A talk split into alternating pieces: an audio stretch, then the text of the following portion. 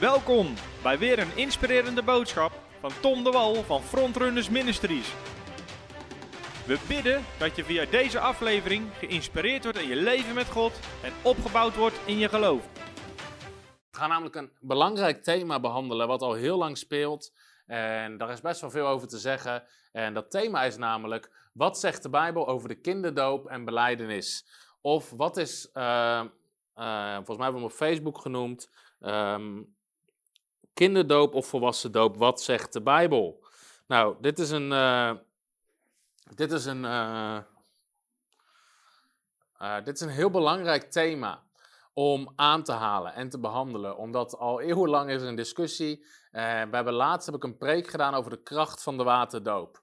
Nou, en daar ben ik helemaal niet ingegaan op kinderdoop of volwassen doop. Ik heb alleen laten zien wat, wat is de doop en wat doet de doop volgens de Bijbel.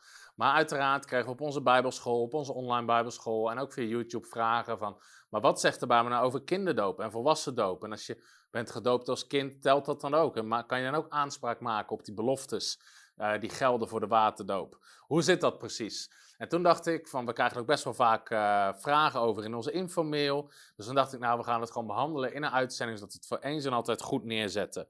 Dus ik geloof dat deze uitzending voor velen een zegen zal zijn. Nou, eerst even samenvatten. Wat zegt de Bijbel over de. Uh, wat zegt de Bijbel dat de doop doet? Nou, ten eerste is goed om te weten: de doop is geen symbolische handeling om te getuigen van je geloof. Um, dus dat hebben we vorige keer behandeld. Die uitzending kan je terugkijken, de kracht van de waterdoop. Maar de doop is de manier waarop Jezus zegt dat we het koninkrijk van God binnengaan. U kan niet het koninkrijk van God binnengaan, tenzij u geboren wordt uit water en geest. Waardoor we wedergeboren worden. Titus 3, vers 5 noemt het het bad van de wedergeboorte. Jij zegt je wordt geboren uit water en geest. Waardoor we gered worden. Marcus 16, vers 16 zegt: uh, Wie gelooft en gedoopt is, zal worden gered. 1 Petrus 3, vers 20 zegt het water van de doop, waardoor u nu gered wordt. Uh, onze zonde vergeven. Handelingen 22, vers 16. Daar staat: Laat u dopen en uw zonde afwassen. Handelingen 2, vers 38 staat hetzelfde: Laat u dopen tot vergeving van zonde. En waarop we één worden met Christus. Dus Colossense 2 vers 12 en Galaten 3 vers 27 zeggen... Door de doop worden we één met Christus. Door de doop bent u met hem begraven. En Romeinen 6 zegt hetzelfde. Door de doop zijn we met hem begraven en opgestaan in een nieuw leven. Dus dat is wat de doop doet. En daarnaast hebben we ook gezien dat de doop... die vond altijd plaats op dezelfde dag dat mensen tot geloof kwamen. En...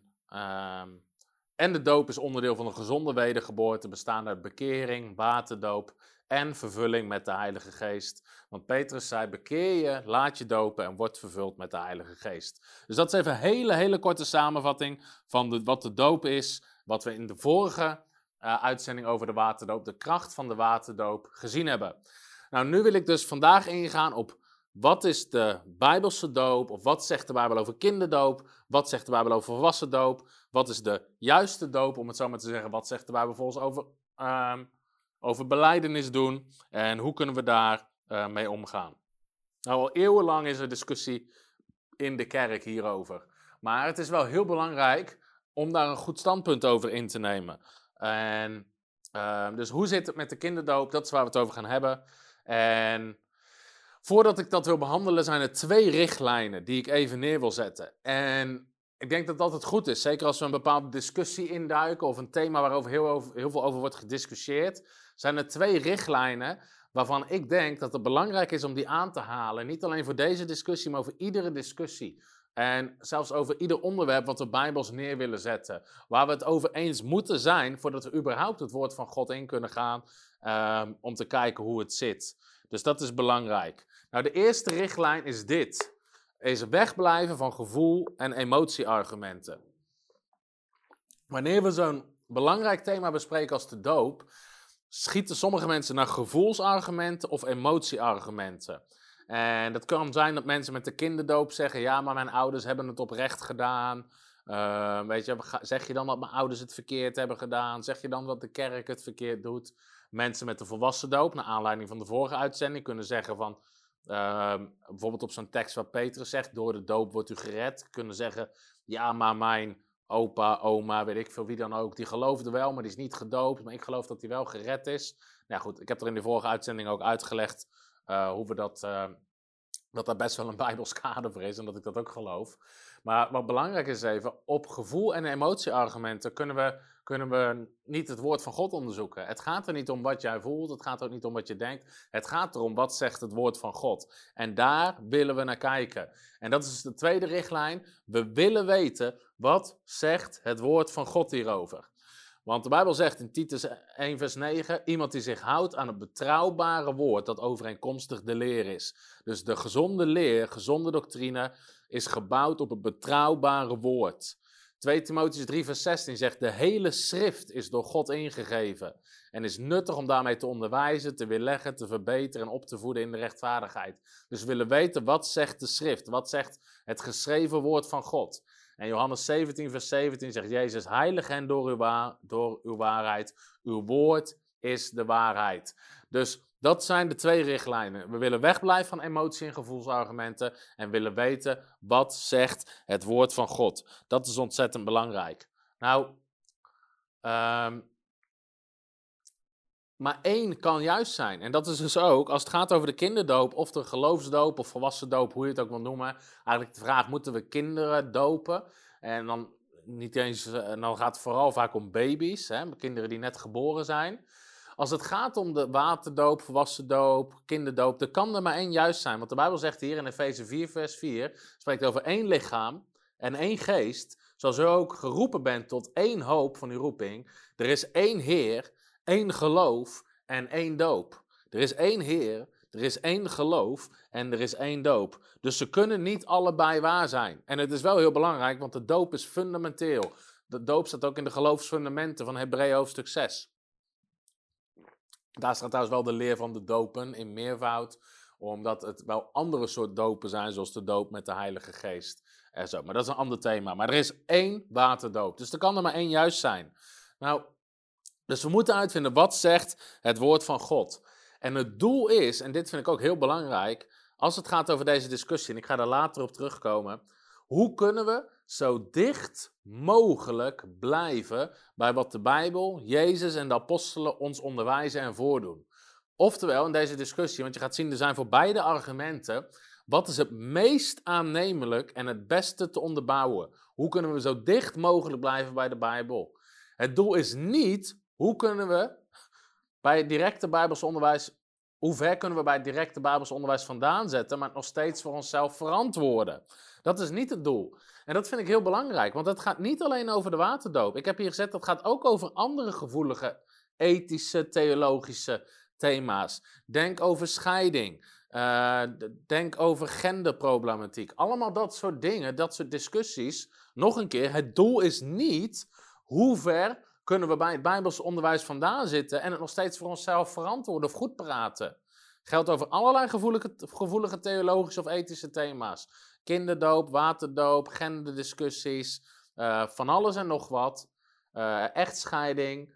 Het doel is, wat ligt het dichtste bij, wat het meest aannemelijke, eigenlijk gewoon wat onderwijzen Jezus en de apostelen ons over de doop. Dus ik hoop dat tot nu toe iedereen ieder geval daarin op één lijn zit. Dat we zeggen, ja, dat is wat we willen. Als we hier niet over op één lijn zitten, over hoe we, onze houding moet zijn tegenover het woord van God, gaan we niet op één lijn komen. En dan mag je wat mij betreft de uitzending ook wegklikken. Want ik geloof, en ik geloof dat het goed is, om te bouwen op het woord van God en wat God zegt. En niet op onze eigen ideeën, meningen en gevoel.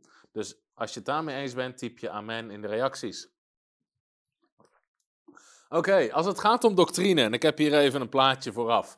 Als het gaat om doctrine, is het niet het doel om op de rand van het zwembad te zitten. En de rand van het zwembad zitten is een, eh, beetje een lokaal spreekwoord, laat ik het maar zo zeggen. En wat we daarmee bedoelen is, uh, misschien ken je wel de uitspraak een grijs gebied. Sommige dingen zijn grijs gebied. Dat betekent sommige dingen weet je zeker dat het niet mag. Andere dingen weet je zeker dat het wel mag. Bijvoorbeeld als het gaat om de wet naleven. En met andere dingen denk je, nou, ik weet het niet. Dat noemen ze grijs gebied. Nou, we noemen dat ook wel eens op de rand van het zwembad zitten. Je kan midden in het zwembad zitten, dan weet je zeker dat het mag. Maar je, kan ook een heel eind buiten staan, dan weet je zeker dat het niet mag. Maar je kan ook op de rand van het zwembad zitten. En dan, dan zit je een beetje op de rand en denk je, nou, hopen dat ik er hiermee wegkom.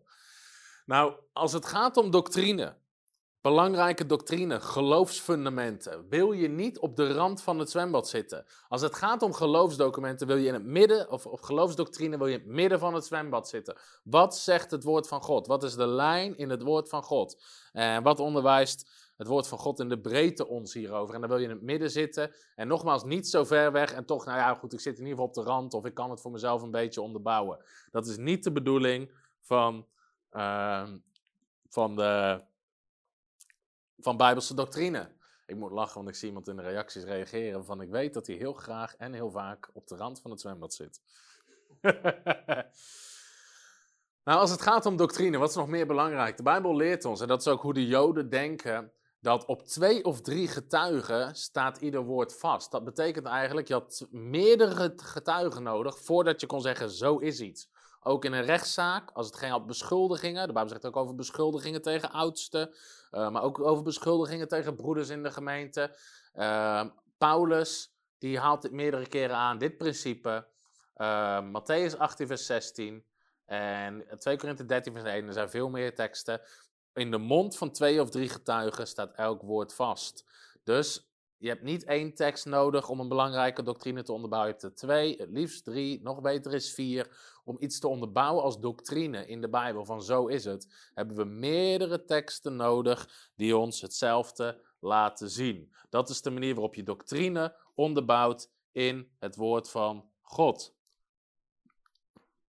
Oké, nou als het gaat om de kinderdoop. Laten we eens even kijken, wat zijn de argumenten die vaak gebruikt worden om de kinderdoop te onderbouwen? Nou, hier zijn ook heel veel boeken over, allerlei, um, op forums wordt hierover geschreven, um, natuurlijk heel veel artikelen. En ik wil even kijken naar wat zijn de hoofdargumenten waaronder de kinderdoop, waarmee de kinderdoop vaak onderbouwd wordt. Nou, dat zijn meestal de volgende. En de meest bekende is deze dat hele huisgezinnen werden gedoopt. Dus in handelingen, en bijvoorbeeld in de Korinthebrief ook, lezen we regelmatig dat huisgezinnen kwamen tot geloof en werden gedoopt. Bijvoorbeeld het huisgezin van Cornelius, een van de meest bekende, handelingen 10 vers 38. En hij, uh, dat is Petrus, gaf het bevel dat zij gedoopt zouden worden in de naam van de Here. Gaat dan over zijn hele huisgezin. De cipier, in Handelingen 16, als Paulus ontsnapt of de engel bevrijdt hem uit de gevangenis. Uh, of door de, aard, de, aardbeving komt daar trouwens en een, en een boeien schudden los. Nou, die Sepier die komt daar tot geloof en dan zeiden ze: Geloof in de Heer Jezus Christus en u zult zalig worden. U en uw huisgenoten. Dus jij zal gered worden, jij en je huisgenoten. En hij nam hem mee in het nachtelijke uur, was een stream en hij werd onmiddellijk gedoopt en al de zijnen. Handelingen 16, vers 14. Een zekere vrouw van wie de naam Lydia was, purperverkoopster uit de stad uh, Thyatira, die God diende, luisterde naar ons en de Heer opende haar hart, gaf acht op wat Paulus zei. Zij werd gedoopt en haar huisgenoten. Handelingen 18, vers 8.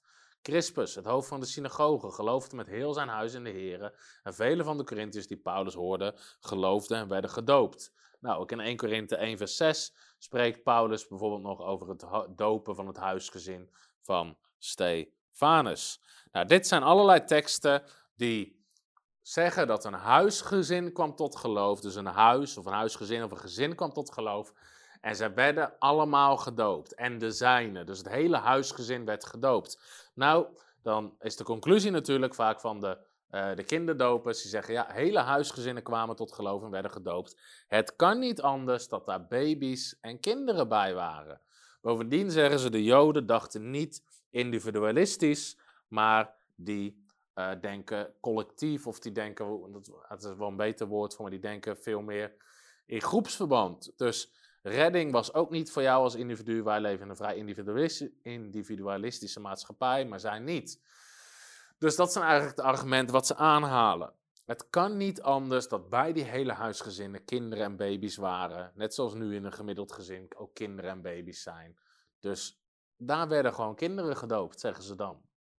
Dus nou goed, daar gaan we straks, uh, gaan we straks van naar kijken uh, wat we daarover kunnen zeggen. Daarnaast zijn er een aantal argumenten, dat is het tweede soort argumenten die vaak worden aangehaald. Alleen die zijn, al, uh, die zijn minder, minder bekend, maar dat zijn argumenten uit de kerkgeschiedenis. Nou, de meeste kerkvaders of uit de kerkgeschiedenis, dus de tijd na handelingen, tijd na de apostelen, die ehm, de meeste getuigenissen die daar schrijven over het dopen van kinderen komt voor vanaf 350 na Christus. Daarvoor een enkeling en ook wat minder direct.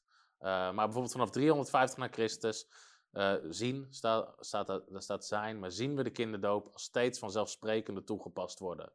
Uh, nou ja, allerlei mensen die zeggen dan daarom dopen wij ook zuigelingen. Um, daarvoor wordt er sporadisch gesproken over de kinderdoop, zowel negatief als positief. Uh, Irenaeus, bisschop van Lyon, bekende bisschop. Hij schreef het boek rond jaar 180. Hij zegt: Christus kwam om alle mensen door hem te redden. Want alle die door hem tot God wedergeboren zijn, zuigelingen en kinderen, en jongens en jongelui en oude mannen. Dus Irenaeus spreekt over tot God wedergeboren kinderen. Nou, die kunnen nog niet geloven, maar die werden volgens hem wel wedergeboren. En dan hebben we nog uh, Tertullianus. Als je nog een leuke naam zoekt voor een van je kinderen, dan noem je hem gewoon Tertullianus. Maar die sprak zich uit tegen de kinderdoop. Uh, al redelijk vroeg, zie je, 155 na Christus uh, werd hij geboren. En, uh, wat dus aantoont dat het gebeurde. Hij was er alleen niet mee eens vanwege, hij zegt, ja, als je kinderen doopt, je hebt geen enkele garantie dat ze in het geloof blijven. Dus waarom, waarom zou je dat doen? Nou goed, dus uit de kerkgeschiedenis zie je hier dat er, ehm, dat we in ieder geval lezen dat er kinderen gedoopt werden dat de zuigelingen gedoopt werden. Dus dat was relatief normaal. Dan zeggen de, uh, dan zeggen de mensen ook die de kinderdoop aanhangen en onderbouwen, die zeggen vervolgens, de kerkvaders en de mensen uit de kerkgeschiedenis waren heel nauwkeurig met het navolgen van het onderwijs van de apostelen. Dus het is niet aannemelijk dat ze daar heel snel van afweken en kinderen gingen dopen uh, als ze daar nergens op baseerden. Dus, uh, dus dat is ook iets wat ze daarbij zeggen. Wat is een ander argument wat vaak gebruikt wordt om de kinderdoop te onderbouwen? Nou, ik vind het, laat ik even opstellen, ik vind het dus belangrijk om deze argumenten te kennen, te begrijpen. En, um, en dan, dan, weten we ook, ook, ook, waar het gedachtegoed vandaan komt. Nou, iets anders wat vaak gezegd wordt, is dat de kinderdoop die is in plaats gekomen van de besnijdenis. Dus die kennen de meeste mensen wel die in de traditionele kerk zijn opgevoed. De, de doop is gekomen in plaats van de besnijdenis. De besnijdenis werd toegepast op kinderen, dus doop je ook kinderen. Dat staat bijvoorbeeld in Colossense 2, vers 11. In hem bent u ook besneden met de besnijdenis die niet met handen plaatsvindt. Dus in Christus zijn we besneden met een besnijdenis die niet met handen plaatsvindt. Dus niet met uh, aardse handen, fysieke handen, menselijke handen. Door het uittrekken van het lichaam van de zonde van het vlees. Door de besnijdenis van Christus. U bent immers met hem begraven in de doop, waarin u ook met hem bent opgewekt. Dus Paulus zegt hier, ja, de doop is eigenlijk de nieuwtestamentische besnijdenis, zoals in het Oude Testament er letterlijk een stuk vlees werd afgesneden. In het Nieuwe Testament komen we van ons vleeselijke lichaam af, doordat ons oude leven sterft met Christus in het watergraf. Dus de doop is een nieuwtestamentische besnijdenis. En dus zeggen mensen die de kinderdoop geloven, zeggen ja, de besnijdenis werd toegepast op kinderen van acht dagen oud, dus doop je kinderen, want het is in plaats gekomen van de besnijdenis. Dus dat is een, uh, een veelgehoord argument. En deze is eigenlijk ook heel belangrijk als we bespreken de kinderdoop of de volwassen doop. Dat is namelijk, wat moeten we anders doen? Of maar wat moeten we anders met kinderen van gelovige ouders? Want in de Bijbel is het logisch dat we lezen over de eerste generatie bekeerlingen, om het zo maar te zeggen. Want het evangelie werd voor het eerst verspreid. Uh, dus het is. Uh, dus ja, als je kinderdopen bent, zeg je ja. Maar, en ten eerste werden de kinderen mee gedoopt met het hele huisgezin. En die kinderen zijn toch ook gered. Die werden ook gered en geheiligd. Dus wat anders dan de doop garandeert dat ze in het verbond inbegrepen zijn. Als dat zeker in plaats van de besnijdenis is gekomen. Bovendien, zeggen mensen die de kinderdoop geloven, um, we, um, we lezen nergens in de Bijbel over de dopen van de tweede generatie bekeerlingen. Dus als uh, bepaalde mensen tot geloof kwamen, in het boek Handelingen is natuurlijk helemaal vol met getuigenis van hele menigte die tot geloof kwamen, zeggen ja, we lezen nergens dat uh, bijvoorbeeld hun kinderen opgroeiden en twintig jaar later alsnog gedoopt worden. Dus dat gebeurde niet, want die waren al gedoopt. En dus dat is ook een argument wat veel wordt aangehaald door de, uh, door de kinderdopers. Als er vragen zijn, straks ga ik ze proberen te beantwoorden. Stel ze, uh, stel ze maar. Oké, nou, dit zijn nog even de vier meest gebruikte, of dit zijn de vier meest gebruikte argumenten voor de kinderdoop. Dus even terug samenvatten. Eén, hele huisgezinnen werden gedoopt, daar moeten kinderen bij gezeten hebben. Twee, in de kerkgeschiedenis spreken de kerkvaders over de kinderdoop. En anderen, die hebben echt niet zo snel dat onderwijs van de apostelen veranderd. Nummer drie, de doop is in plaats van de besnijdenis, dus toepassen op kinderen, net zoals de besnijdenis werd gedaan. En nummer vier, kinderen zitten toch inbegrepen in het verbond, die zijn gered en geheiligd. Dus uh, dat, de doop garandeert ons dat. En we lezen niet over tweede generatie bekeerlingen. Je zou kunnen zeggen dat is argument nummer vijf. Dat zijn eigenlijk de hoofdargumenten die gebruikt worden om de kinderdoop te onderbouwen en waar alles omheen gebouwd wordt. Dus nou, het is denk ik heel belangrijk om te kijken, joh, wat kunnen we hier nou over zeggen? Wat leert het woord van God ons hierover? En even terug naar het begin. In het begin heb ik gezegd, op het woord van twee of drie getuigen hebben we nodig om doctrine te bouwen. En willen zo dicht mogelijk blijven bij wat onderwijst het woord van God ons. En ik wil nu kijken eigenlijk wat zijn argumenten voor volwassen doop of geloofsdoop. Als ik het telkens heb over kinderdoop, heb ik het niet over dopen van kinderen van 10, 11 jaar.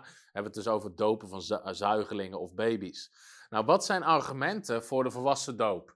En ehm, laten we daar eens naar gaan kijken. En ik denk dat hier voor uh, heel veel mensen ook mooie openbaringen in zitten voor andere gebieden van hun leven.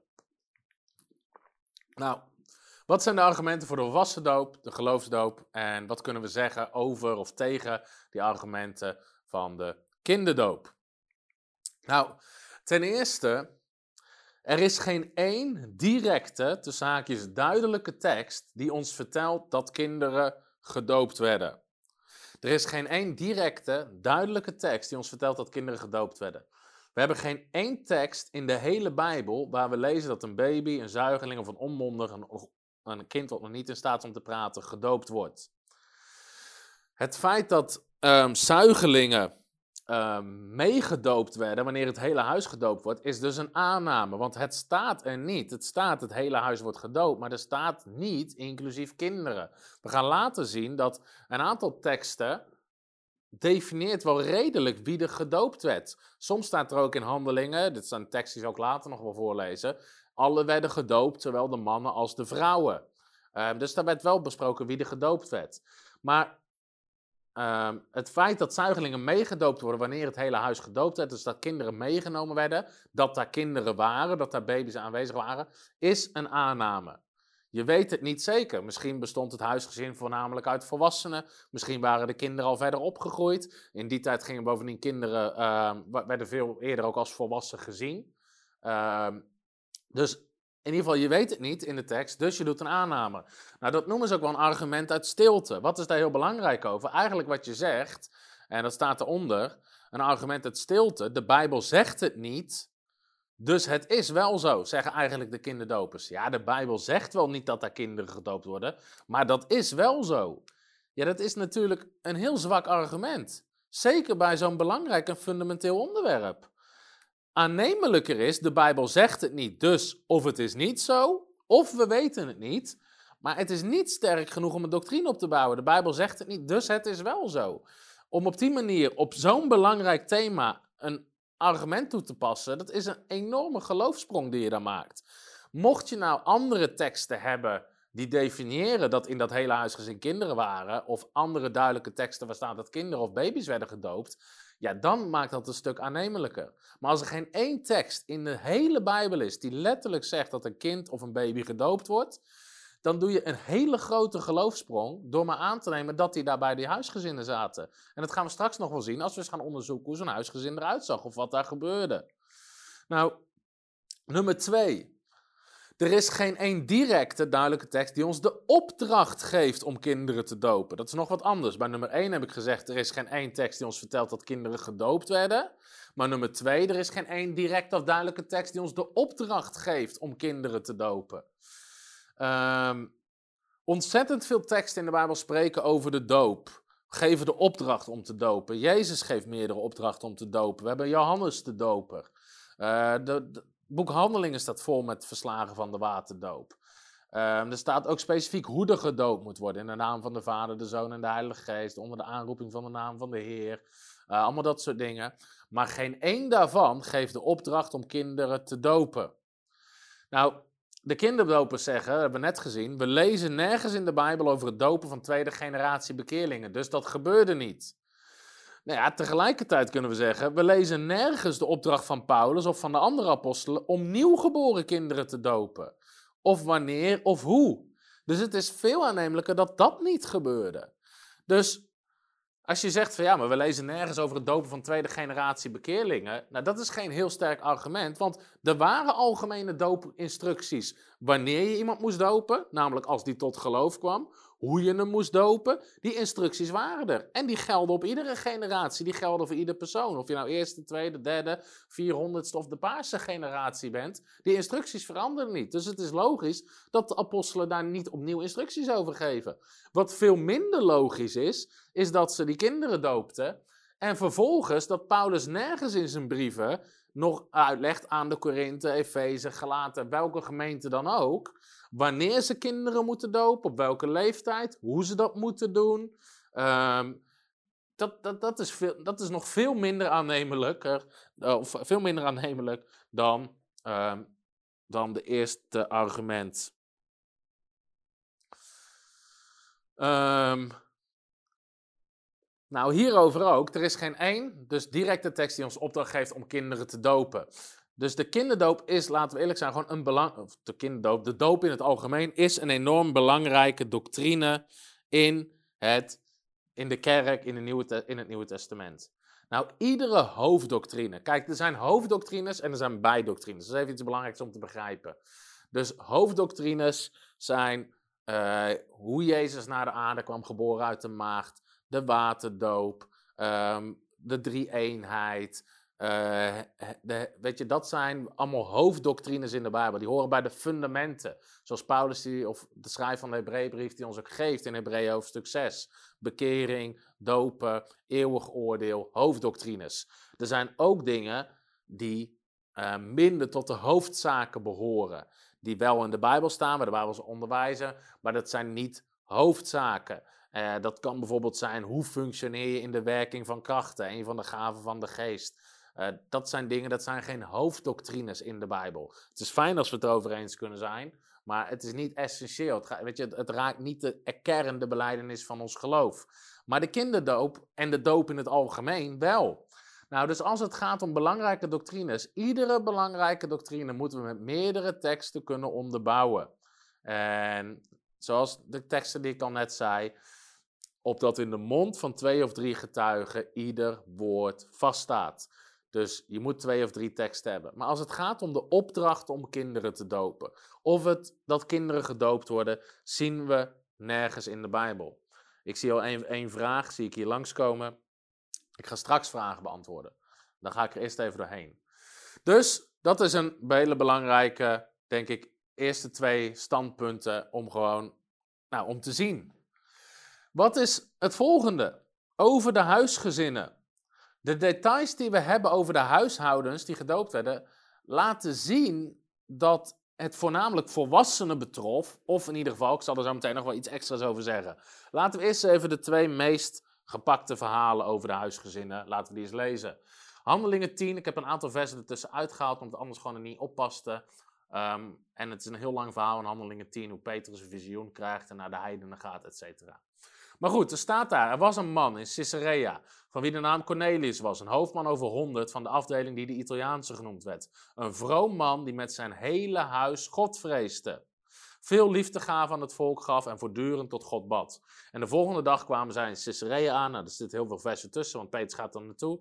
En Cornelius verwachtte en had zijn familieleden en beste vrienden bijeengeroepen. Nou, ik denk dat de familieleden en de beste vrienden van Cornelius geen baby's waren. Terwijl hij met hem sprak, ging hij naar binnen en trof er velen aan die samengekomen waren. Dus Petrus ging er naartoe. Nou, dan begint Petrus te spreken. En nou, dan zegt op een gegeven moment uh, zegt, uh, Cornelius, dus ik heb ogenblikkelijk mensen naar u toegestuurd en u hebt er goed aan gedaan toen u hier gekomen bent. Want wij zijn dan nu allen hier aanwezig in de tegenwoordigheid van God om alles te horen wat God u bevolen is. Wat u door God bevolen is. Vers 44. Nou, Petrus begint dan te prediken. Terwijl Petrus deze woorden nog sprak, viel de Heilige Geest op allen die het woord hoorden. En de gelovigen die van de besnijdenis waren, Petrus had een paar joden meegenomen, zoveel als er met Petrus waren meegekomen, waren buiten zichzelf dat de gave van de Heilige Geest op de heidenen werd uitgestort. Want zij hoorden hen spreken in vreemde talen en God groot maken. Toen antwoordde Petrus, kan iemand soms het water weren, kan, kan iemand hen soms de doop weren, zodat deze mensen die evenals wij de Heilige Geest ontvangen niet gedoopt zouden worden. En hij beval dat zij gedoopt zouden worden in de naam van de Here. En hij vroeg, uiteindelijk vraagt Cornelius dan nog een paar dagen of hij bij hem wil blijven. Nou, wat zien we in dit verhaal? Ten eerste, zegt vers 2, allen waren godvrezend in het huis. Dus het hele huis was godvrezend, was goddienend. Daarna zegt, zegt de Bijbel dat allen hoorden de boodschap van Petrus. Dus ze waren allemaal aan het luisteren. Ze waren allemaal bijeengekomen om daarna te luisteren. Vervolgens valt de Heilige Geest en zegt de Bijbel heel nadrukkelijk: de Heilige Geest viel op allen die het woord hoorden. Dus allen ontvingen de Heilige Geest. Allemaal spraken ze in tongentaal. En ze, um, hier staat ook bij, en ze spraken in vreemde taal. En ze hoorden en spreken in vreemde talen en God groot maken. En allen werden gered en gedoopt. Dus alle waren godvrezend, alle hoorden de boodschap, alle ontvingen de Heilige Geest, alle spraken in tongentaal en vervolgens alle werden gered en gedoopt. Nou, op basis van deze gegevens, deze details uit dit verhaal, is het veel aannemelijker dat hier geen zuigelingen bij waren. Of in ieder geval niet onder de beschrijving van alle werden gerekend. Want dan moet je die andere aspecten ook op die zuigelingen toepassen. En ik heb hier wel eens een uh, discussie over gehad met een, uh, met een oudste van een uh, gereformeerde gemeente. En dat had ermee te maken dat ik was jeugdleider. En een van zijn jongeren was, of een jongen was tot bekering gekomen, die hadden wij gedoopt. En vervolgens moest ik verantwoording afkomen leggen bij de oudste raad van die gemeente, waar die ouders van die jongen in zaten, omdat hun kind gedoopt was. En, uh, want ja, hij was als kind al gedoopt. En nou, nou hadden wij hem nog een keer gedoopt volgens hun. Hoe konden we dat doen? En terwijl die jongen, die was zelf tot bekering gekomen, wilde zelf gedoopt worden, et cetera. Maar goed, dus die man die kwam ook aan met dit verhaal. Hij zegt van ja, maar wij dopen kinderen, want net zoals Cornelius en zijn hele huisgezin werden gedoopt. Dus ik zei, ja, maar de Bijbel zegt ook, ze werden allemaal vervuld met de Heilige Geest en ze spraken allemaal in tongentaal. Doen jullie dat ook? Nou ja, de reactie van de man zal ik hier niet na zeggen, maar het kwam, dat deden ze in ieder geval niet. En dus je kan niet zeg maar één heel klein stukje eruit pikken en zeggen van nou hier, daar bouwen we de doctrine op en de rest compleet negeren. Dus het is veel aannemelijker dat hier geen zuigelingen bij waren, of in ieder geval niet werden gerekend uh, tot allen die gedoopt werden. Nou, wat zien we bij de cipier? Handelingen 16, vers 32. En zij spraken het woord van de Heer tot hem en tot allen die in zijn huis waren. En hij nam hen in dat nachtelijke uur met zich mee en waste hun striemen. En hij werd onmiddellijk gedoopt en al de zijnen. Hij bracht hen in zijn huis, richt voor de tafel aan, verheugde zich met al zijn huisgenoten dat hij tot geloof in God gekomen was. Nou, hier staat Paulus sprak tot allen, want alle hoorden zijn boodschap. Hij en de zijnen die het hoorden, werden gedoopt. En hij en zijn huisgenoten, hij was blij dat hij en zijn huisgenoten tot geloof gekomen waren in God. Dus iedereen die gedoopt was, was daarna heel blij dat hij tot geloof gekomen was.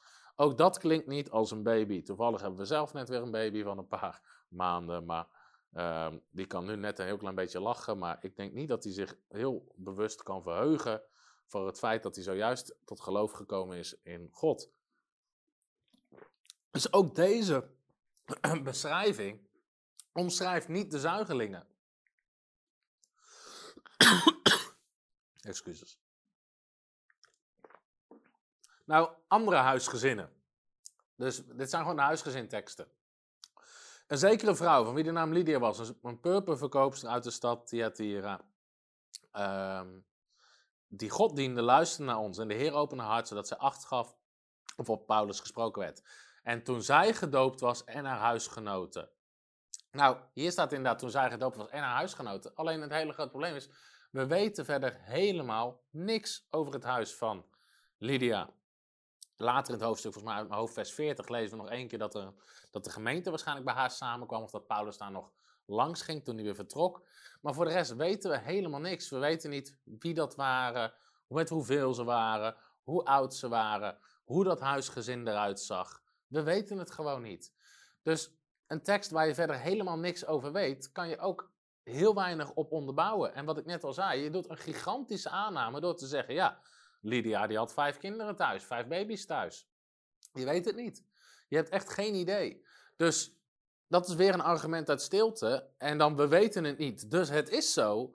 Dat, dat is niet aannemelijk. Het is aannemelijk om te zeggen, we weten het niet, dus we weten het niet. Dus dit is geen goede tekst om het te onderbouwen. De andere tekst over het huisgezin. Handelingen 18, vers 8.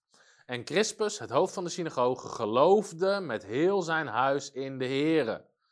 En vele van de Corinthiërs die Paulus hoorden, werden gedoopt. Nou, wat zien we hier weer? Crispus met heel zijn huis geloofde in de Here. Dus ook hier staat eigenlijk heel bewust, die mensen daar, die geloofden de boodschap die gepredikt wordt en werden als gevolg daarvan gedoopt. Dus de omschrijving gaat dus over de mensen die het geloofden. En ook dat is dus eigenlijk alleen maar op, in ieder geval niet op zuigelingen, niet op baby's van toepassing. Dus dan te zeggen dat zij inbegrepen werden bij die doop, is weer zeer, uh, is niet aannemelijk. Dus dit even over de teksten van de huisgezinnen. Waarom is dit belangrijk? Omdat dit dus de meest gebruikte teksten zijn om de kinderdoop te onderbouwen. En zoals ik al zei, het zijn argumenten. Ten eerste, de meeste zijn niet goed te onderbouwen. Uh, Cornelius valt af, want dat is heel duidelijk. Ze werden allemaal vervuld met de Heilige Geest, allemaal in tongentaal. Nou, dat waren geen baby's. Uh, Crispus valt af, want die geloofde heel bewust. Uh, wie hadden we daar? We hadden de cipier. Nou, die, die verheugden zich met z'n allen dat ze gered waren. Waren ook geen baby's. Crispus valt af. Dus het enige wat we hebben is eigenlijk het verhaal van Lydia. Waar we dus verder helemaal niks over weten. Dus dat is. Eh, ja, daar kan je echt geen doctrine op bouwen. Dus ik denk dat dat heel belangrijk is. De details die we hebben over de huishoudens laten zien dat het of volwassenen betrof, of in ieder geval dat de baby's, de zuigelingen, niet onder de beschrijving van alle werden gerekend. Dat is trouwens weer niet zo heel vreemd, want de Bijbel beschrijft heel vaak alleen of de volwassenen of de mannen van het huis, uh, maar niet de hele, uh, de, hele gezinssituatie werd er niet altijd bij betrokken. Nou, wat is um, dan ons antwoord op? En ik denk dat dit voor heel veel mensen een zegen is om hier eens goed naar te kijken. Uh, dat is het vierde argument. Kinderen zijn geheiligd in de ouders. Daar is de doop niet voor nodig. En heel veel mensen die. Uh, nou, dit is eigenlijk gewoon heel belangrijk om te weten. Het klopt dat redding niet individualistisch is. Dus kinderen zijn automatisch inbegrepen bij de redding van het gezin. Daar is de doop niet voor nodig. En ik ga dit laten zien uit heel veel Bijbelse voorbeelden. En dit is goed nieuws voor mensen waarvan maar de partner niet gelooft. Of, uh, uh, want zelfs dan zien we dat daar genade is bij God. Eerst eens wat voorbeelden uit het Oude Testament hierover. Bijvoorbeeld Noach. Daarna zei de Heer tegen Noach, Genesis 7 vers 1, ga de ark in, u en heel uw gezin. Want ik heb gezien dat u te midden van uw tijdgenoten voor mijn aangezicht rechtvaardig bent. Noach en zijn gezin werden gered, omdat Noach rechtvaardig wandelde. Noach was rechtvaardig, God zag Noach zijn rechtvaardigheid. En op basis daarvan werden zijn gezin en zijn kinderen gered. Dus dat is een, uh, een mooi voorbeeld hiervan. Nou, een ander heel mooi voorbeeld is Israël door middel van het Pascha, als ze uit Egypte vertrekken. Ze kregen van God de opdracht, de nacht dat ze uit Egypte vertrokken, om een lam zonder gebrek te slachten. Wat natuurlijk verwijst naar Christus. Het lam wat voor ons geslacht is zonder gebrek, zonder zonde. Dit lam moest geslacht worden en door ieder gezinslid gegeten worden. Staat er heel nadrukkelijk. We hebben niet de tijd om daar tot detail in te gaan. Samen met ongezuurd brood, wat ook stond voor een gebrek aan zonde. Vervolgens moest de vader van het gezin of de man van het huis het bloed aan de deurposten smeren. En het bloed aan de deurposten beschermde het hele gezin, inclusief de kinderen. Nou, ondanks dat de zuigelingen niet persoonlijk konden eten van het lam. Dus zuigelingen, kinderen die nog de borst krijgen, kinderen die net geboren zijn, die hebben echt geen lamsvlees gegeten daar. Maar die werden wel inbegrepen bij de redding, omdat uh, die, werden, ja, die hoorden daar gewoon bij. Dus uh, de, de ouders en de andere mensen die het konden, die aten, die konden daar hun geloof in zetten in die opdracht van God. Het is een geloofsdaad. En daardoor werd het hele gezin, inclusief de zuigelingen, gered. En Paulus zegt, ons paaslam is voor ons geslacht. Dat is Christus. Nou, dit is ook een hele mooie. Raagap, door middel van het scharlakenkoord. In Jozua zien we dat ze het beloofde land in gaan nemen. En dan ehm, uiteindelijk dan gaan die verkenners daar naartoe. En dan ehm, komen ze bij Raagap, de prostituee, in huis. En dan zeggen ze: Zie, als wij het land in. Als wij in het land komen, moet u het koord van scharlakendraad, dat is rood, donkerrood draad, aan het venster binden waar ons, waardoor u ons hebt neergelaten. Ze lieten hem weer via het venster gaan. En verzamel bij u in uw huis uw vader, uw moeder, uw broers en heel uw familie. En Jozua, dat is een paar hoofdstukken later, zei tegen de twee mannen, de verkenners van het land, ga het huis van die vrouw, die hoer binnen. En dat bedoelde niet als scheldwoord, maar gewoon die prostituee binnen. En breng de vrouw vandaan naar buiten met alles wat van haar is, zoals u van haar gezworen hebt. Toen ging de jonge man met de verkenners naar binnen en bracht de Ragab naar buiten met haar vader, haar moeder, haar broers en alles wat van haar is.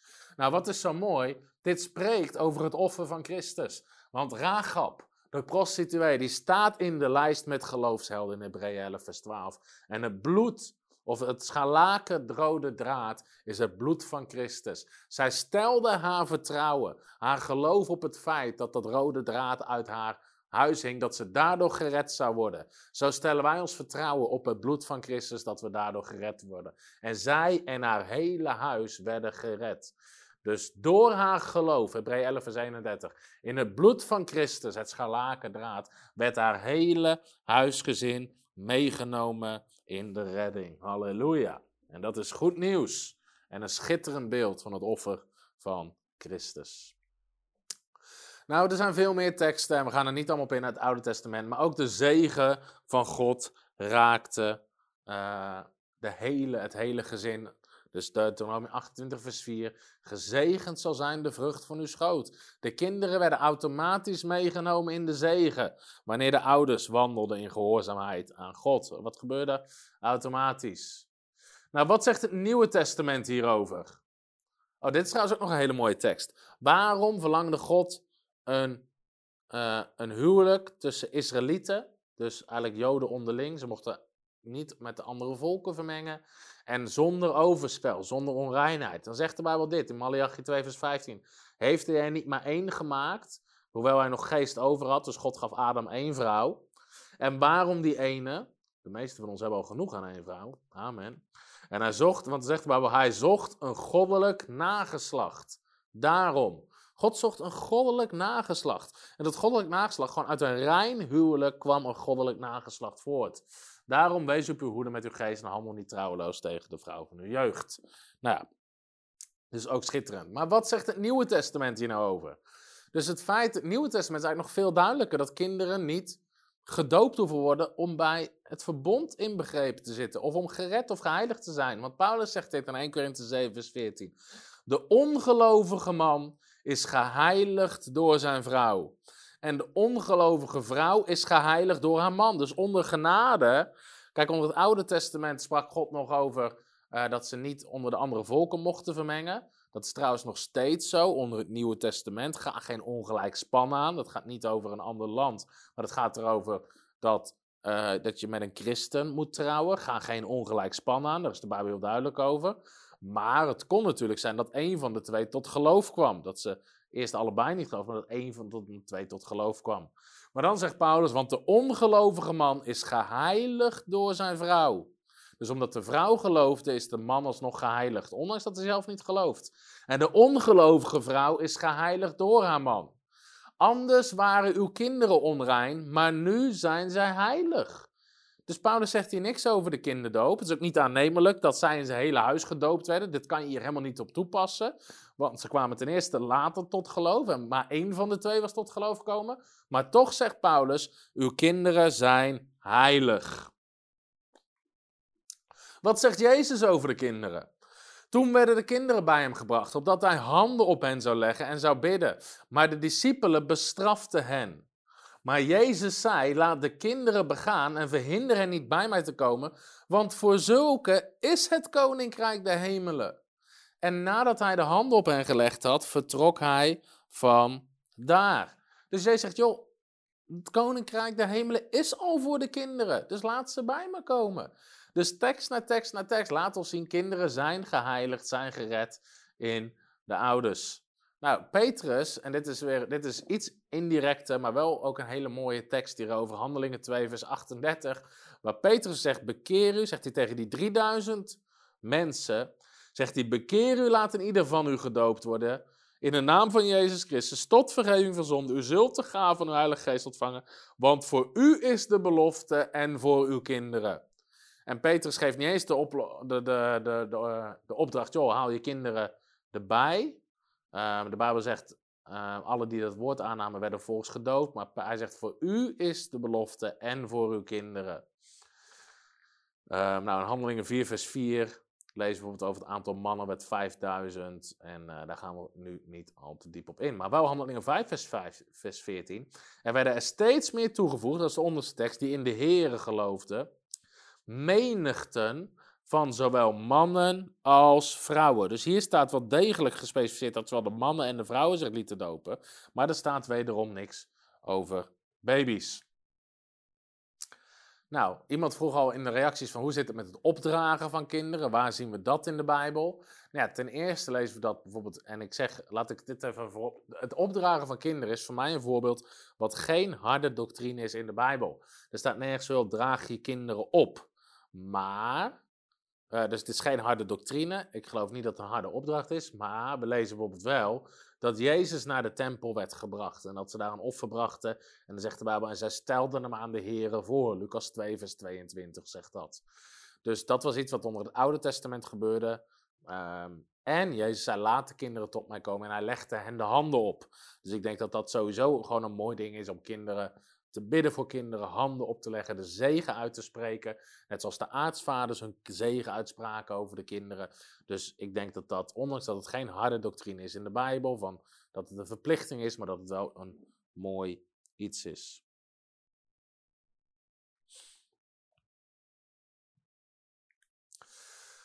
Nou, als we ook kijken naar de andere gelijkenissen, zijn we in de vorige uitzending al diep ingegaan de doop, als door de zee heen trekken en de ark ingaan. Die kinderen werden door de ouders automatisch meegenomen door de zee of door de ark. Ze werden geheiligd of gered in de ouders, maar dus niet doordat ze dat zelf deden.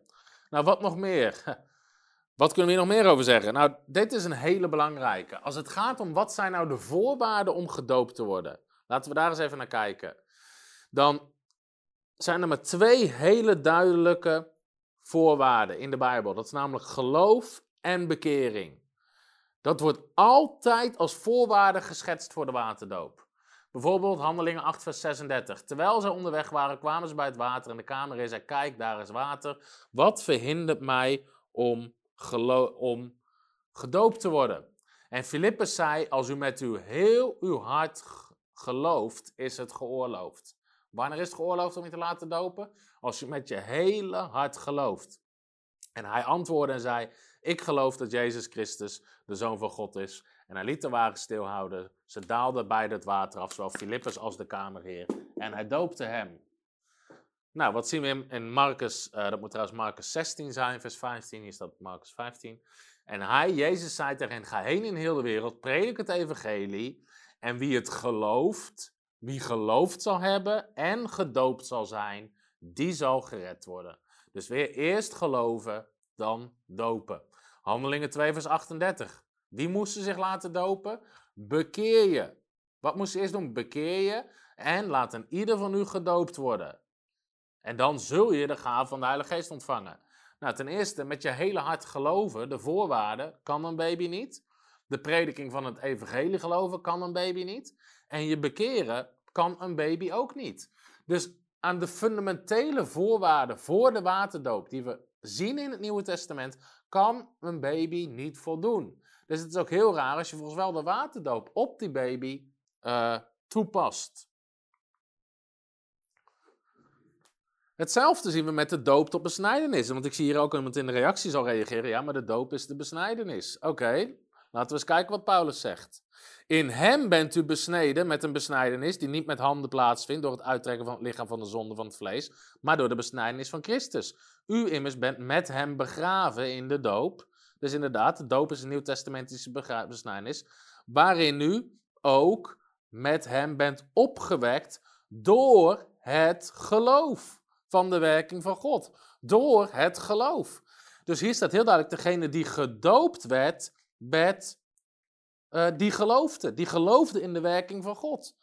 Dus je kan niet een heel klein deel van deze tekst uit zijn context trekken, vermixen met een oud-testamentisch gebruik en het toepassen op de kinderdoop, wat we nergens zien in, de, in het Nieuwe Testament, nergens de opdracht zien, en daar een doctrine op bouwen.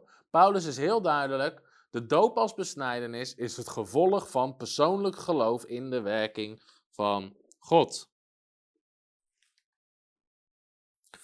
Bovendien, en er is heel wat voor te zeggen, zie je al. De doop is een bewuste stap om Jezus te volgen en discipel te worden in zijn koninkrijk. Matthäus 28, vers 19.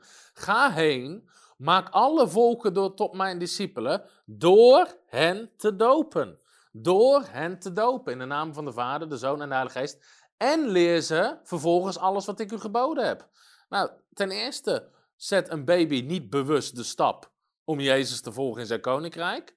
En ten tweede kan je hem niet alles leren wat Jezus geboden heeft. Want het enige wat hij terug zegt is, ah, ah, eh, eh. Dat is het enige wat die baby terug gaat zeggen.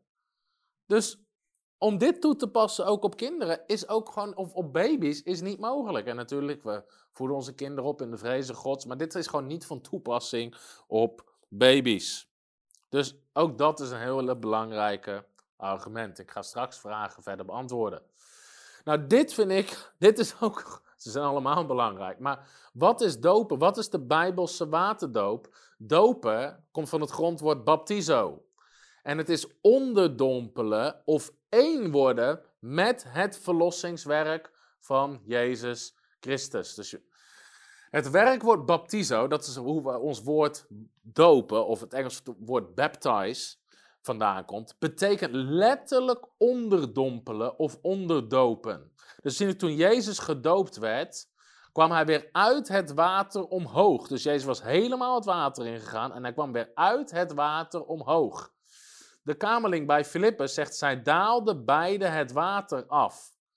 Af het water in. Dus ze liepen het water in. En dan staat er ook weer, ze kwamen het water weer uit. Dus ze gingen helemaal het water in. Handelingen 2 vers 38, zo vertaalt de Naderse Bijbel hem.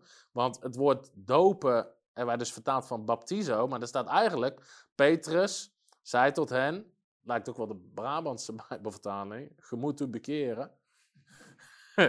hey, je moet u bekeren, ha. En ieder van u zich laten onderdompelen in de naam van Jezus Christus tot vergeving van zonden. Maar ten eerste zie je weer, de doop was iets bewust waar mensen zich mee bekeerden en hun zonde vergeven werden. Nou, dat heeft een baby ook nog niet. Die kan zich niet bewust bekeren van zijn zonde, kan niet bewust vergeving van zonde ontvangen. Maar ze moesten zich laten onderdompelen. Dus de doop, de kinderdoop, zoals die plaatsvindt, überhaupt in de meeste kerken, is geen doop. Het is een besprenkeling. En dat zien we helemaal nergens terug in de hele Bijbel. Dat, dat er een beetje water op gesprenkeld wordt. Dat heeft gewoon dat heeft niks met de doop te maken. Nergens zien we dat in het woord van God. Dus daarmee zijn we sowieso al een heel eind afgewijkt. Dat betekent gewoon onderdompelen. En het had dus te maken met het één worden met het verlossingswerk van Jezus Christus. Als je, ik heb hier een flesje water. Ik had ook een glas water natuurlijk, misschien voor de illustratie beter kunnen pakken. Maar al had ik hier een knikker in gegooid en weer uitgehaald, dan was die helemaal één geworden met het water. En dan was hij helemaal ondergedompeld. Hij was er onder gegaan. Nou, dat is het woord baptizo. En door het watergraf word je één met Christus. Galaten 3, vers 27. U allen die door de doop één met Christus bent geworden, hebt zich met Christus omkleed. Dus besprenkeling is sowieso niet bijbels. Het komt ook pas voor, eigenlijk vanaf de Reformatie. Dit is wel belangrijk. In de vroege kerk werd besprenkeling alleen geaccepteerd, niet bij kinderen, dus het vroegste onderwijs, maar bij volwassenen die zich bekeerden, of jongeren, als er geen enkele vorm van water ergens in de buurt was. Dus het was gewoon niet mogelijk om mensen in water te dopen. Er was een droogte, er waren geen rivieren, geen kanalen, geen sloten, geen, geen, geen, geen, uh, geen baden, niks daarvan. Dan mochten ze, zo beschrijft de kerkgeschiedenis dat, ze moesten ze drie keer een emmer water over hun hoofd gieten en dan telde dat toch ook maar als doop, omdat er gewoon simpelweg niks anders was. Maar dat was zeker niet de standaard en alleen in hele uitzonderlijke uh, situaties. Dus ja, de besprenkeling van kinderen en überhaupt het besprenkelen van mensen zien we al helemaal nergens terug in de Bijbel. Nou, verder over, wat kunnen we zeggen over de kerkgeschiedenis? De kinderdoop zien we eigenlijk pas in de loop van de kerkgeschiedenis ontwikkelen. We lezen er niet over het Nieuwe Testament, we lezen er ook niet over in de Didache. Misschien kennen de meeste mensen de Didache niet, maar de Didache, dat is goed om even uit te leggen, is eigenlijk het eerste christelijke onderwijsboekje wat rondging in de vroege kerk. Met veel teksten overgenomen ook van de vroege evangeliën. Ehm, en dat was eigenlijk het eerste onderwijsboekje wat geschreven is. Nou, als je dat boekje leest, daar lees ook helemaal niks over kinderdoop. En het heeft niet hetzelfde gezag als het woord van God. Maar je kan wel opmaken uit die tijd wat was gebruikelijk. Nou, in die tijd hadden ze zeker te maken moeten hebben met inmiddels weer nieuwe kinderen die, die, die geboren werden. Of, of dat daar vragen. Maar je leest daar niks over de kinderdoop, alleen maar over het dopen volwassenen. En in dat boekje staat ook dat ze ondergedompeld moeten worden, tenzij er op geen enkele andere manier water beschikbaar is. Dan mochten ze drie keer een emmer water over hun hoofd gooien en telde dat ook. Nou goed, we lezen pas consistent over de kinderdoop vanaf 300 na Christus, eigenlijk 350 na Christus. Vanaf 150 na Christus sporadisch of ja, gewoon niet consequent. En pas vanaf 300 na Christus consequent. Dus dat is redelijk, dat het gewoon gebruikelijk werd in de kerk, is honderden jaren een paar honderd jaar na het boekhandeling. En besprenkeling, nou dat lezen we zeker niet. En, en dat komt dus ook pas eigenlijk vanaf de Reformatie uh, voor. Dus, nou, dus, dus de mensen zeggen, ja, maar weet je wel, die kerkvaders hielden zich echt wel nauwgezet aan de overgeleverde leer van de apostelen. Dat is natuurlijk een argument wat ze gebruiken. Dus het feit dat zij het hebben over kinderdoop, joh, dat moeten ze hebben gehad van de apostelen. Nou, dat is niet helemaal zo, want dat is eigenlijk helemaal niet zo. Uh, omdat er in die tijd ook gewoon een veel groter gebrek aan kennis was. Heel veel brieven waren er nog niet. Uh, mond op mond is minder betrouwbaar als gewoon de geschreven documenten. En je ziet dus bijvoorbeeld ook in de Didache dat ze al van bepaalde richtlijnen afwijken. Kan ook weer te maken hebben met dingen die speelden. Maar bijvoorbeeld dat uh, de dopeling eerst werd aangeraden om een tijd te vasten. Of dat ze eerst bepaald onderwijs moesten krijgen. Terwijl dat gebeurde ook niet in het Nieuwe Testament. Het onderwijs van de apostelen was mensen kwamen tot geloof en die werden dezelfde nacht, dezelfde dag uh, gedoopt. De enige uitzondering in het Nieuwe Testament is de apostel Paulus. Dat duurde drie dagen voordat hij gedoopt werd. Maar dus in dat soort kleine dingen zie je al dat ze zich daar niet heel erg nauw aan hielden. Nou, wat kunnen we er uh, nog meer over zeggen? Oh ja, dan komen we bij het onderwerp beleidenis. Want wat, uh, wat, uh, wat er vaak dus gedaan wordt, kinderen worden gedoopt, baby's worden gedoopt en dan later doen mensen met de beleidenis antwoorden ze op hun doop en zeggen ze van ja, ik ben het daarmee eens. En, en uh, dat is eigenlijk wat er gebeurt met de beleidenis. Nou, de term beleidenis komt wel degelijk voor in de Bijbel. Want de Bijbel zegt, als u met uw mond beleidt dat Jezus Heer is... en met uw hart gelooft dat God hem uit de dood opgewekt heeft... zult u worden gered. Uh, dus hier zie je het woord beleidenis. Maar dit komt nergens voor in de context van een aparte samenkomst... om de doop van een kind te bevestigen. Dat lezen we helemaal nergens.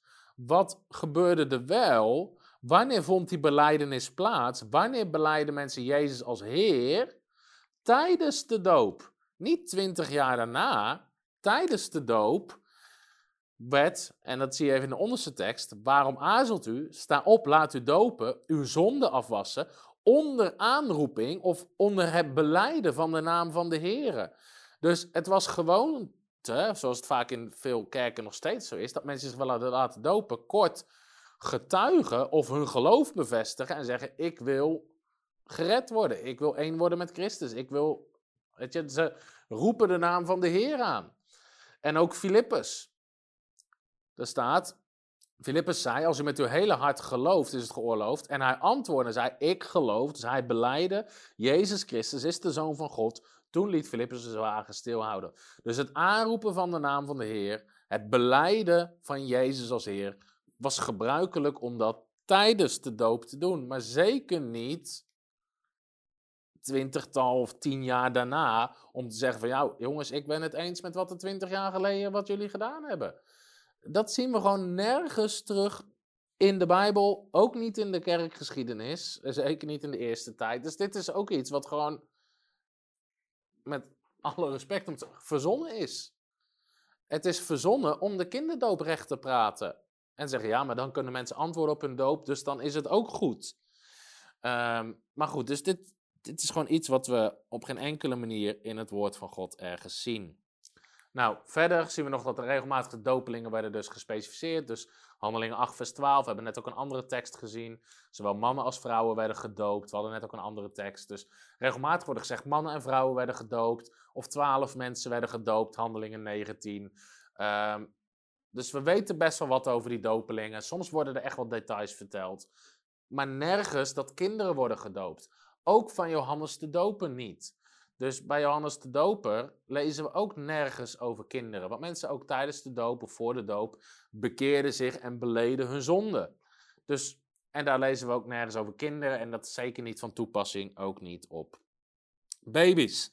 Dan als laatste punt. De doop hoorde bij een gezonde wedergeboorte. Het staat bovenin heel klein, maar de doop hoorde bij een gezonde wedergeboorte bestaande uit bekering, waterdoop en vervulling met de Heilige Geest. Dus de doop was niet een op zich staand iets. Het probleem is dat heel veel kerken trekken dit uit elkaar. Zowel in evangelische baptistenhoeken uh, als vaak in kerken die kinderdoop. Want de kinderdopers, die draaien het helemaal om. Die dopen eerst iemand en dan hopen ze dat hij in de twintig nakomende jaren tot bekering komt en de Heer beleidt. En de vervulling met de Heilige Geest, ja, die is helemaal nergens te bekennen, zoals we die zien in de Bijbel. Maar ook vaak bij volwassen dopers um, komen mensen tot bekering en die geloven. Ja, en dan hoor je altijd van die mooie vage getuigenissen van ja, de Heer heeft echt bevestigd dat ik me mag laten dopen. Nee, je mag je niet laten dopen. De Bijbel zegt je moet je laten dopen. Dat is niet iets wat je mag, dat is iets wat je moet. Petrus gaf het bevel dat mensen zich lieten dopen, handelingen hoofdstuk 10. Petrus zegt hier, en ieder van u laat zich dopen. Hij zegt niet, ga maar naar huis bidden en kijken of dat, of dat mag. Nee, je laat je dopen. Dus een gezonde wedergeboorte bestond uit bekering, waterdoop en vervulling met de Heilige Geest. Als je dat uit elkaar gaat trekken, als je dat gaat splitsen, dan, dan, ga je op een heel glad ijs wandelen. Dus Petrus zei, bekeer u, laat in ieder van u gedoopt worden tot vergeving van zonde. En je zal de gave van de Heilige Geest ontvangen. Dit was de vervulling met de Heilige Geest. Je was een nieuwe schepping geworden, je zonden waren vergeven. Dus kon de Heilige Geest in een heilig vat komen wonen. En je ziet dus ook altijd dat in het Nieuwe Testament, dat mensen die, gelooft, die geloofden, dat de vervulling met de Heilige Geest een aparte gebeurtenis was die tegelijkertijd plaatsvond. Dus Handeling hoofdstuk 8, vers 12, dan lezen we dat Filippus de evangelist, die predikt het evangelie. Dan zegt de Bijbel toen, zij, de Bijbel toen zij Filippus geloofde, in vers 12, die het evangelie van God en het koninkrijk van God predikte, werden zij gedoopt. Dus ze geloofden het. Ze werden gedoopt, zowel mannen als vrouwen. Er staat niks over baby's, maar zowel mannen als vrouwen. En toen die aangekomen. En dan uiteindelijk, nou, dan komen de apostelen, die horen ervan. Er staat een paar versen tussen. Dan komen de apostelen. En die baden voor hen dat ze de Heilige Geest mochten ontvangen. Dus dat gebeurde niet automatisch. Bij je tot geloof komen en het gedoopt worden. Daar werd apart voor gebeden.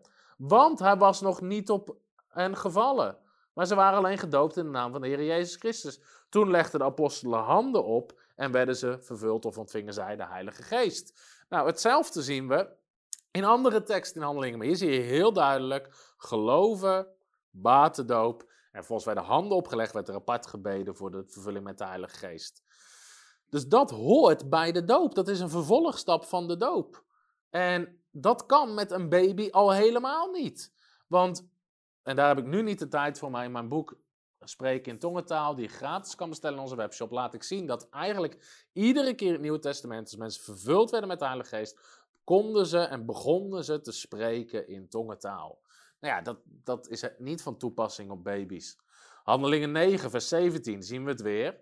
Dat Paulus, of Saulus was tot geloof gekomen, had Jezus als Heer erkend. Hij zegt, wie bent u Heer, wat moet ik doen Heer? Hij geloofde op dat moment 100% zeker in Jezus.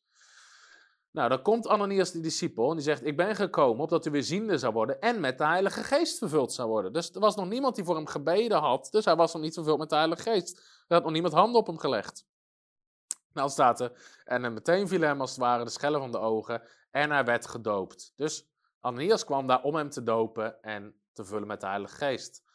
In Handelingen 10, vers 46, dit was de tekst over Cornelius, staat: Zij hoorden hen spreken in vreemde talen en God groot maken. En dan zegt Petrus: Oh, nou deze mensen vervuld zijn met de Heilige Geest, dan moeten we ze ook dopen. En Handelingen 19, vers 5, daar komt Paulus in de Efeze. En ehm, die mensen die waren gedoopt in de naam van de Heer Jezus. En dan staat er in vers 6: En nadat Paulus hun de handen opgelegd had, kwam de Heilige Geest op hen. En spraken zij in tongentaal en ze profeteerden. Nou, dus wat zien we hier? Een gezonde wedergeboorte is bekering, waterdoop, vervulling met de Heilige Geest. Dat hoort bij elkaar. Dat is één pakket dat vond tegelijkertijd plaats. Dus dat kan je niet heel erg uit elkaar trekken. Dat is ongezond, dat is niet de bedoeling. Zo niet van de kinderdopers. Nou, we trekken het 21 jaar naar voren. We hopen dat ze laten dopen en de vervulling met de geest. En het spreken in tongentaal zie je eigenlijk helemaal niet. Maar ook niet in de andere hoek van, joh, je bekeert je en kijk maar of je laat dopen. Nee, nee, nee, het hoort erbij. Nou, dit zijn een heel aantal argumenten over de waterdoop, volwassen doop. Even um, samenvatten, de conclusies, even snel er doorheen. Dit is belangrijk om het even samen te vatten. Conclusies. We willen weten wat het woord van God zegt, want het woord van God is de waarheid. Voor vaste doctrine hebben we twee of meer teksten nodig, is de Bijbel heel duidelijk over. We willen zo dicht mogelijk bij het onderwijs van Jezus en apostelen blijven. Wat is het meest aannemelijke? Niet hoe ver kunnen we er vandaan blijven en het nog verantwoorden. Er kan maar één doop waar zijn. Er is één doop. Efeze 4, vers 4. Eén Heer, één geloof, één doop. Er is geen één tekst die daadwerkelijk laat zien dat er kinderen gedoopt worden. Het zijn voornamelijk aannames of stilte-argumenten. We zien het niet, maar het is er wel. Nee, er is geen één tekst die het echt laat zien. Er is geen één tekst die de opdracht geeft om kinderen te dopen. Zowel niet in het Nieuwe Testament als de brieven die jaren later daarover geschreven zijn, maar ook niet in de Didache en het echt het eerste onderwijs. Uit de teksten die spreken over de huisgezinnen die gered en gedoopt worden, kunnen we meer directe argumenten halen dat het ging om volwassen toehoorders die alle geloofden en vervuld werden met de Heilige Geest en spraken in tongentaal en zich verheugd over het feit dat ze gered werden, dan dat we kunnen aannemen dat kinderen gedoopt werden. In ieder geval werden zuigelingen niet onder de beschrijving van alle gerekend. Ze behoorden wel tot het geredde gezin. Wat hebben we gezien? Want Paulus onderwijst, kinderen zijn gered in de ouders.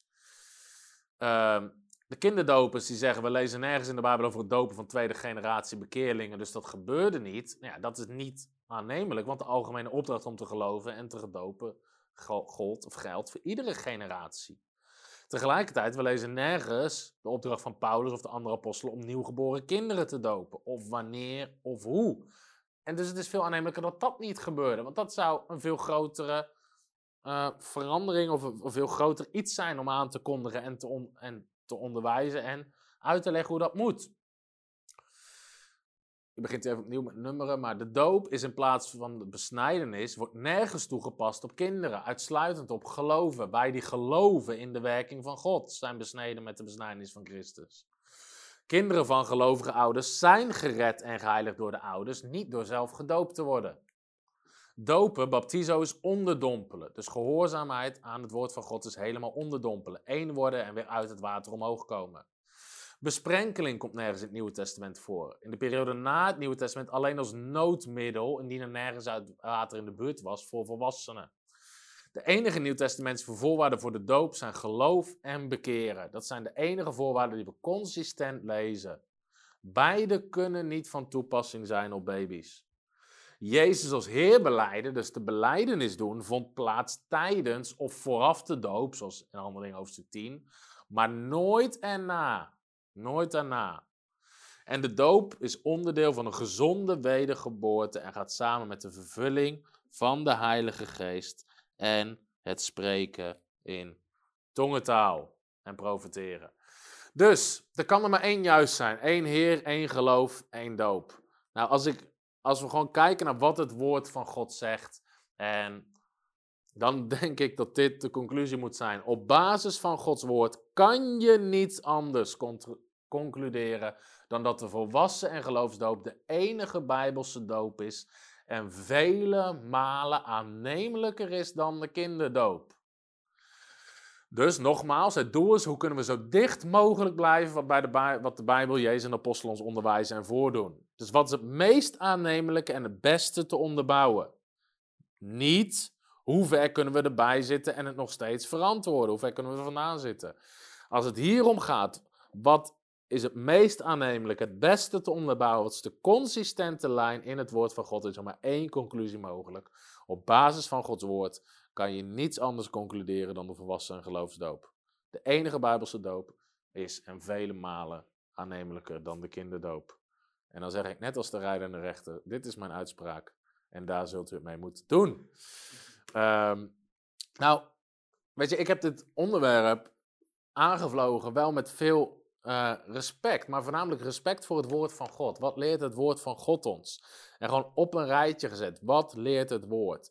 Nou, je ziet ook dat de doopformulieren, hoe de kinderdoop onderbouwd wordt, vaak door theologen uit de traditionele hoek, dat ze nooit met directe teksten werken. Alleen met allemaal tekstverwijzingen, omdat de Bijbel het nergens direct zegt.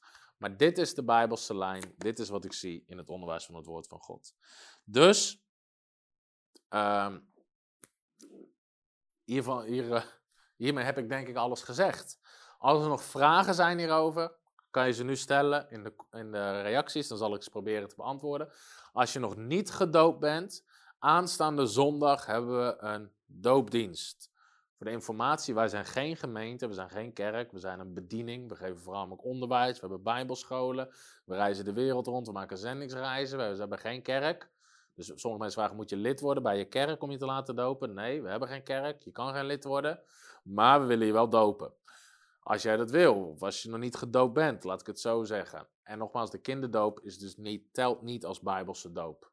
Um, dan stuur even een mailtje naar info.frontrunnersministries.nl met wie je bent, waarom je wil laten dopen. En aanstaande zondag om drie uur hebben we een doopdienst. Als er nog vragen zijn, kan je ze nu in de reacties stellen en dan zal ik ze proberen te beantwoorden.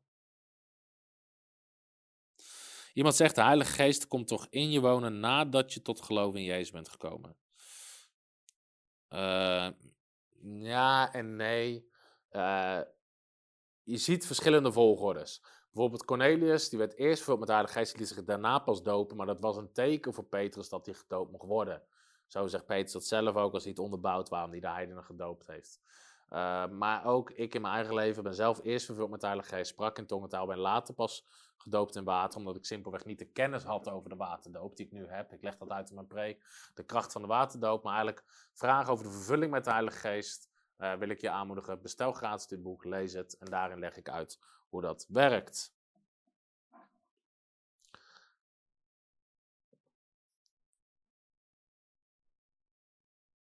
Zijn er nog meer?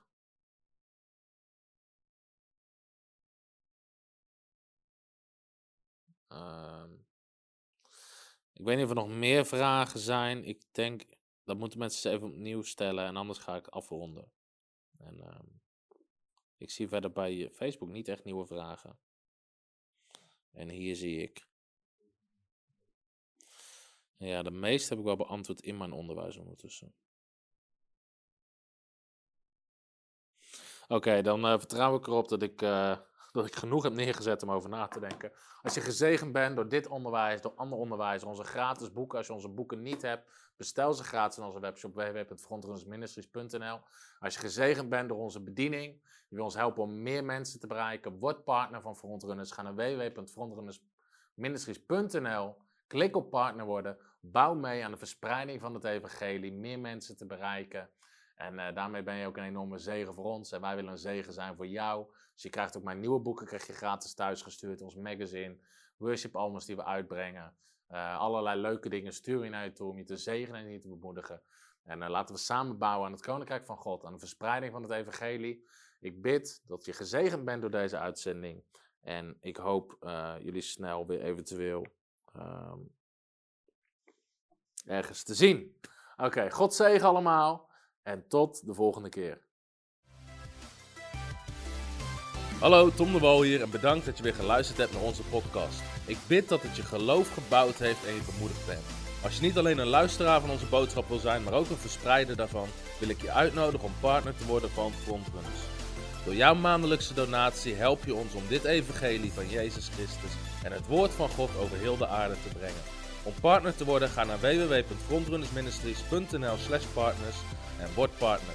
Hartelijk bedankt en tot snel. Heb je ook zo genoten van deze inspirerende boodschap van Tom de Wal? Abonneer je dan op deze podcast. Volg ons op Facebook en op Instagram en kijk op onze website frontrunnersministries.nl.